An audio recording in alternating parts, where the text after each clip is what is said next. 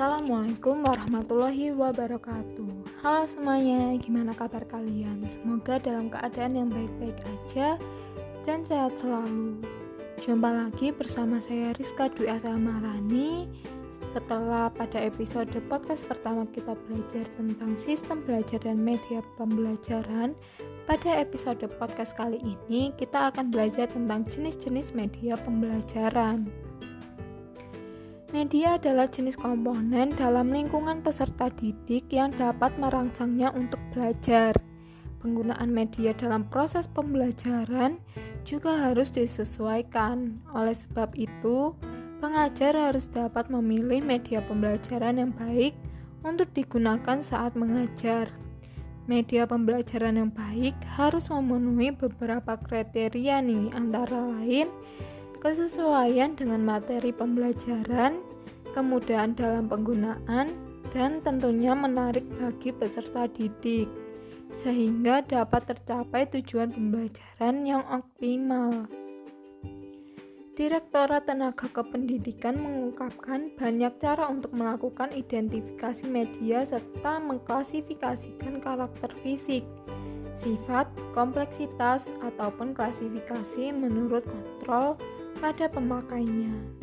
Menurut Direktorat Tenaga Kependidikan, Direktorat Peningkatan Mutu Pendidikan, dan Tenaga Kependidikan Departemen Pendidikan Nasional, ada tujuh klasifikasi media, yaitu yang pertama, media audiovisual yang dapat bergerak seperti film suara, pita video, dan film televisi.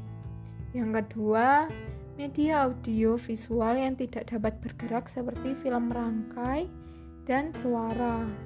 Yang ketiga, audio yang semi bergerak seperti tulisan jauh bersuara. Yang keempat, media visual yang dapat bergerak seperti film bisu. Yang kelima, media visual yang tidak dapat bergerak seperti halaman cetak, foto, mikrofon, dan slide bisu. Nah, yang keenam, media audio seperti radio, telepon, dan pita audio. Nah, yang ketujuh nih, media cetak seperti buku, modul, bahan ajar mandiri, dan lain-lain. Lalu, jika menurut Sadiman, media pembelajaran dapat diklasifikasikan ke beberapa klasifikasi seperti yang pertama, berdasarkan sifatnya, di mana media yang dibagi ke dalam yang pertama, media audio, yaitu media yang hanya dapat didengar saja atau hanya mempunyai suara seperti radio. Yang kedua, media visual, yaitu media yang hanya dapat dilihat tanpa mengandung unsur suara seperti gambar, film slide, lukisan, dan lain-lain. Dan yang ketiga, media audiovisual yaitu jenis media yang selain mengandung unsur suara, juga mengandung unsur gambar yang dapat dilihat seperti rekaman video. Nah, lalu yang kedua, berdasarkan jarak jangkaunya seperti yang pertama, media yang memiliki daya jangkau yang luas dan serentak seperti radio dan televisi.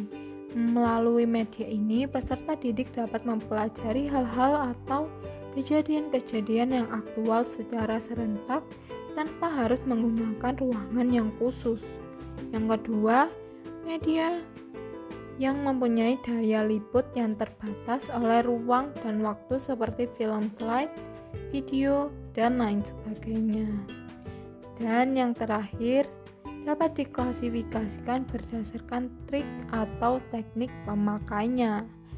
Media dapat dibagi ke dalam media yang didata atau diatur seperti film slide, film strip, dan transparansi, di mana jenis media memerlukan proyeksi khusus seperti film proyektor dan film overhead proyektor atau OHP.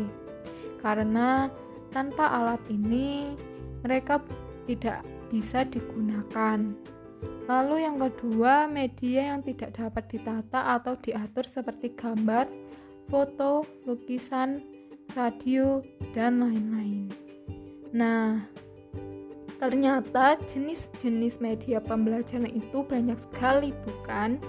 Maka dari itu, setelah kita mengetahui berbagai jenis dari media pembelajaran ini, sebagai peserta didik ataupun guru, calon guru, kita harus bisa manfaatkan sebaik mungkin untuk menunjang belajar dan pembelajaran. Jadi, selesai sudah nih episode podcast kita pada kali ini yang membahas tentang jenis-jenis media pembelajaran. Semoga dapat menambah informasi dan pengetahuan kalian semua. Dan sampai jumpa di next episode podcast lainnya. See you, bye bye.